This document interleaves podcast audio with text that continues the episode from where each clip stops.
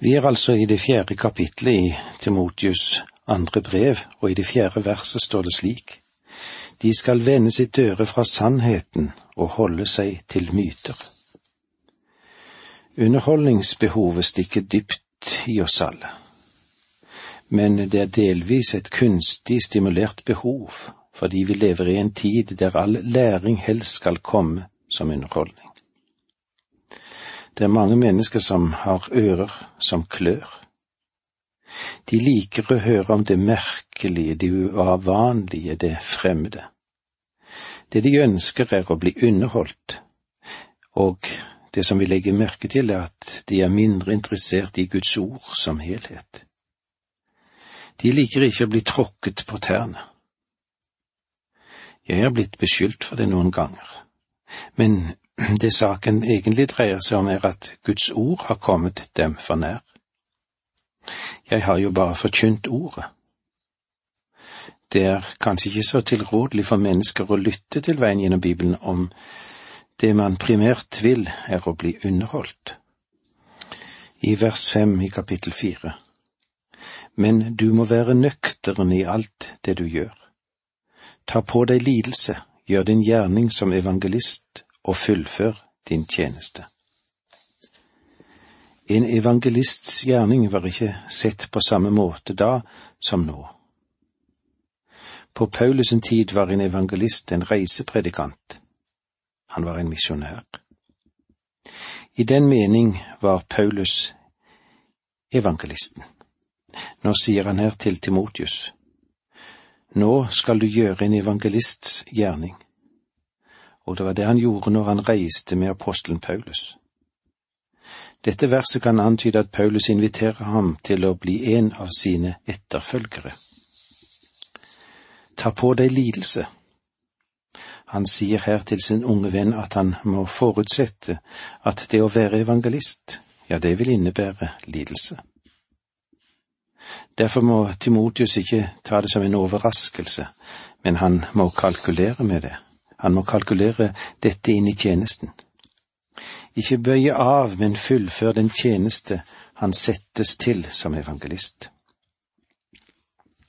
Og nå vil vi se litt på Paulus sitt vitnesbyrd fra dødens forværelse. Nå kommer vi til et mektig avsnitt i Skriften. Paulus skriver her sin egen gravskrift. Vers seks til åtte. Jeg skal nå ofres. Tiden er inne da jeg skal bryte opp. Jeg har stridd den gode strid, fullført løpet og bevart troen. Så ligger rettferdighetens krans ferdig for meg. Den skal Herren, den rettferdige dommer, gi meg på den store dagen.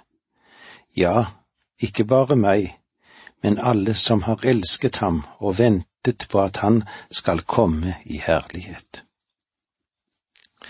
Jeg skal nå ofres. Hadde du stått inne i henrettelseskammeret i Roma, ville du ha vært vitne til en blodig forestilling.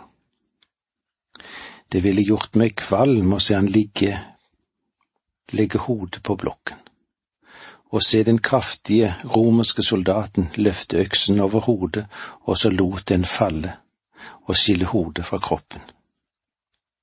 Hodet falt i en kurv på den ene siden, og legemet falt sammen med rykninger på den andre siden. Men Paulus sier her at hvis det er alt det du ser, så har du ikke sett mye. For denne henrettelsesblokken er et alter, og hans liv er blitt hellet ut som et drikkeoffer. Paulus har brukt dette ordbildet tidligere i brevet til filipperne da han ble arrestert første gang og trodde at døden lå rett foran ham. Da skrev han til filippenserne i kapittel to vers 17. Om jeg nå selv skal ofres når jeg gjør min hellige tjeneste og bærer deres tro fram som et offer, så er jeg likevel glad og gleder meg sammen med dere alle. Han ønsker at hans liv skulle tømmes ut, ofres, og nå kunne han skrive ved slutten av livet at hele hans liv hadde blitt tømt ut som et drikkeoffer. Hele livet hadde vært en offertjeneste. Hva var drikkeofferet? Det var ikke gitt noen spesielle forordninger av Gud til israelittene angående drikkeofferet. Men eh, det blir stadig nevnt i annen Mosebok og i tredje Mosebok. Vinen ble helt over offeret. Et offer som bronsealteret, og ilden brant under det. Og du kan tenke deg nøyaktig hva som nå hendte. Drikkeofferet gikk opp i damp eller røyk. Det fordampet og forsvant. Og det er akkurat det Paulus sier her. Jeg har nå tømt ut mitt liv som et drikkeoffer på Kristi offer. Jeg har ikke villet tjene meg selv, men har villet gi alt for ham. Paulus sitt liv skulle snart forsvinne. Det var nådd en ende, og alt det han håpet skulle bli igjen, var at mennesket skulle ha sett Kristus. Dette er et av de vakreste språkbildene Paulus har brukt. Så mange av oss kristne prøver å bli husket for det vi har gjort. Ikke alltid for det Kristus har gjort for oss. Paulus var ikke interessert i det. Han sier, Mitt liv er et drikkeoffer tømt ut. Kristus, ikke Paulus, er den eneste som skal opphøyes. Dette er et rikt avsnitt i Skriften. Paulus sin gravskrift er delt i to deler. Første delen er et tilbakeblikk der han ser tilbake på sitt jordiske liv, og dette er skrevet rett før han ble henrettet. Den andre delen av gravskriften er et fremtidsperspektiv. Han ser frem mot det evige liv. Det jordiske liv og, e, det evige liv er atskilt ved det vi kaller døden. Paulus summerer sitt liv opp på tre forskjellige måter, og dette er tilbakeblikk. Jeg har stridd den gode strid. Han har vært en soldat. Han har vært en god soldat. Det hadde vært slag som måtte gjennomkjempes og seires, og det skulle vinnes. Og her ved slutten av livet sitt så sier han, Jeg har vært en soldat for min frelser. Alle troende burde ha den holdningen. Her er et slag som må kjempes, og enhver kristen burde være en Guds ords forsvarer og stå fast på de store sannheter i Bibelen. Fullført løpet. Livet er ikke bare en kamp, livet er et løp. Paulus var en disiplinert idrettsmann som kjempet for å vinne prisen. Under løpet holdt Paulus sitt legeme under kontroll. Han prøvde å leve kristenlivet på en slik måte at han ikke skulle bli diskvalifisert. Han skrev første Korinterbrev 9,27. Nei, jeg kjemper mot meg selv og tvinger kroppen til å lystre, for at ikke jeg som har forkynt for andre, selv skal bli forkastet. Og nå ved slutten av livet kunne han si, Jeg har fullført løpet. Han hadde løpt alle rundene. Nå var han på oppløpssiden. Han hadde avsluttet alt det Gud hadde planlagt for ham. Bevart troen. Livet hadde vært en overlevering fra Gud, og han hadde vært en god forvalter. Han hadde beholdt troen. Han hadde aldri beveget seg bort fra de store sannheter og lærer, det som Guds ord hadde lært ham. Hvilket fantastisk avsnitt dette egentlig er. La oss vende tilbake til uttrykket i vers seks. Tiden er inne da jeg skal bryte opp. Bryte opp er fra et annet gresk ord enn det som ble brukt i Tessalonikerbrevet, og som angår menigheten som skal bryte opp fra jorden. Paulus selv skulle gjennom en annen dør.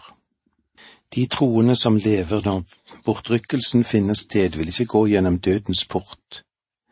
Vi skal alle dø, men vi skal alle forvandles i et nu.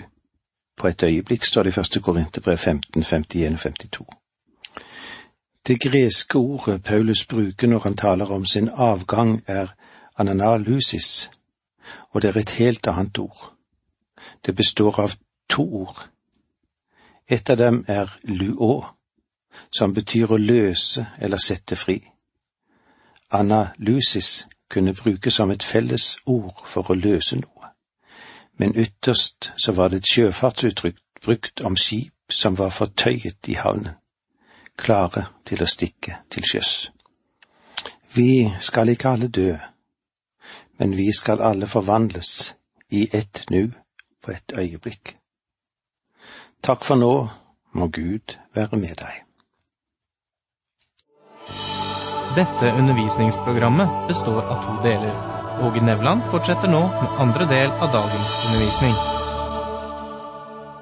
Vi er i avslutningen av det andre brevet til Timotius, i det fjerde kapitlet, og vi er òg i avslutningen av Paulus sitt liv. Så ligger der rettferdighetens krans ferdig for meg. Den skal Herren den rettferdige dommer gi meg på den store dagen. Det er Paulus som sier det. Dette føres over på den positive siden han har. Det Paulus sier, er at han ser fremover. Han venter på en ærenkrans når løpet er fullført. Jeg tror ikke at Paulus har fått den ennå, men han vil få den, og jeg tror at Paulus er en av de første som vil bli kalt frem når Herren deler ut sin seierskrans. Det er flere slike kranser nevnt i Det nye testamentet. For eksempel så står det i første Korinterbrev 9, 24 og 25. Vet dere ikke at de som er med i et løp på idrettsbanen, de løper alle sammen, men bare én vinner seiersprisen? Løp da slik at dere vinner den.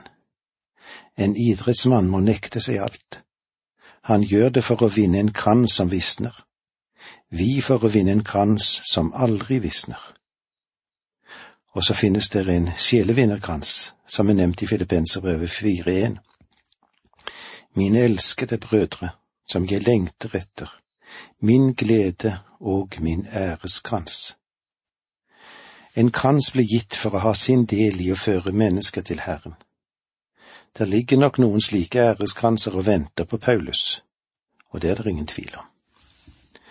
Rettferdighetens krans er, tror jeg, en lønn for et rettferdig liv, og Paulus ville ta imot den.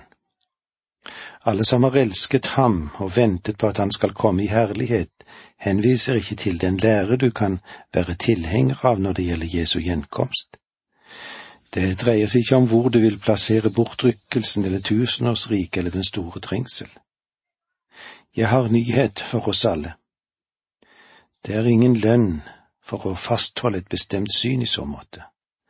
Spørsmålet er, elsker du Hans åpenbaring? Det å elske Hans åpenbaring betyr at du må elske ham. Har dere et nært fellesskap med ham? Har du sagt til ham at du elsker ham? Jeg har inntrykk av at Paulus ofte måtte si det på denne måte, Herre, jeg elsker deg. Tidligere hadde han forfulgt ham og forfulgt andre som elsket ham. Det er en krans som venter på dem som elsker hans åpenbaring. Jeg skulle gjerne sett at han også tilfalt meg den æreskransen, og jeg tror den vil skinne klarere enn alle andre. Så har vi Paulus sine siste ord, da. Vi kunne fornemme en triumferende tone i de foregående versene, men det som følger nå, bærer ikke, ikke så mye triumf i seg. Paulus står nå ansikt til ansikt med realiteten i sin livssituasjon. I vers ni leser vi slik i det fjerde kapitlet i annet Timotius brev. Du må komme til meg så fort du kan.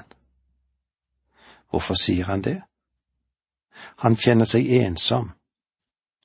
Selv Paulus kunne altså eie denne følelsen av ensomhet. Det burde være en trøst for oss mange alminnelige mennesker. I vers ti leser vi for Demas forlot meg fordi han fikk den nåværende verden kjær. Han dro til Tessalonika. Kreskens har dratt til Galatia. Titus til Dalmatia. Demas stakk av. Han klarte ikke mer. Så han forlot Paulus og dro til Tessalonika, og det var litt av en distanse som han dro. Titus, han dro til Dalmatia. Jeg vet ikke om de andre brødrene hadde en gyldig årsak til å forlate Paulus, men Titus hadde det i alle fall. Jeg går ut fra at Paulus hadde sendt ham til Dalmatia så han skulle tjene dem på Paulus sine vegne. Jeg kjenner ikke nok til Kriskens til å kunne forsvare ham. Vers 11. Bare Lukas er hos meg. Ta Markus med deg når du kommer, han er til stor hjelp for meg i tjenesten. Bare Lukas er hos meg, gamle, gode Lukas, han sto der sammen med Paulus helt til siste slutt. Ta Markus med deg når du kommer. Husk at Paulus ikke ville ta med Johannes Markus på sin andre misjonsreise. Men Paulus hadde kanskje hatt en feil oppfatning av Markus. Eller Markus hadde kanskje modent mye etter bruddet med Paulus, og nå kunne Paulus si at Markus var nyttig for ham i tjenesten. Og jeg er så glad for at disse ordene står der som noe av det siste Paulus skrev. Det er alltid vakkert og rørende når du merker at ordet om forsoning fungerer. Tykikus har jeg sendt til Efesos, står det i vers tolv. Paulus hadde sendt ham til Efesos fordi han var pastor i den menigheten.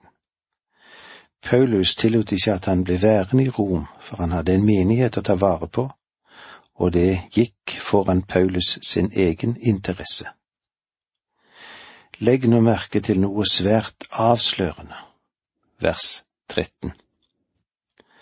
Når du kommer, må du ta med deg kappen som jeg lot bli igjen i Troas hos Karpus, og bøkene, fremfor alt pergamentrullene. Paulus, han ber om kappen sin som han hadde latt bli igjen i Troas. Da han lot den bli der, var det kanskje varmt, og han trengte den ikke. Det var bare noe drass å ta den med.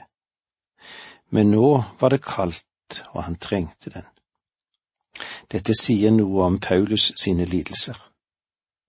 Selv på høysommeren ville det være kaldt i Manetinerfengselet. Og dette er en av de meget få gangene Paulus ber om noe når det gjelder hans fysiske behov. Og bøkene, bøkene fremfor alt pergamentrullene, han trengte noe for sinn og tanker.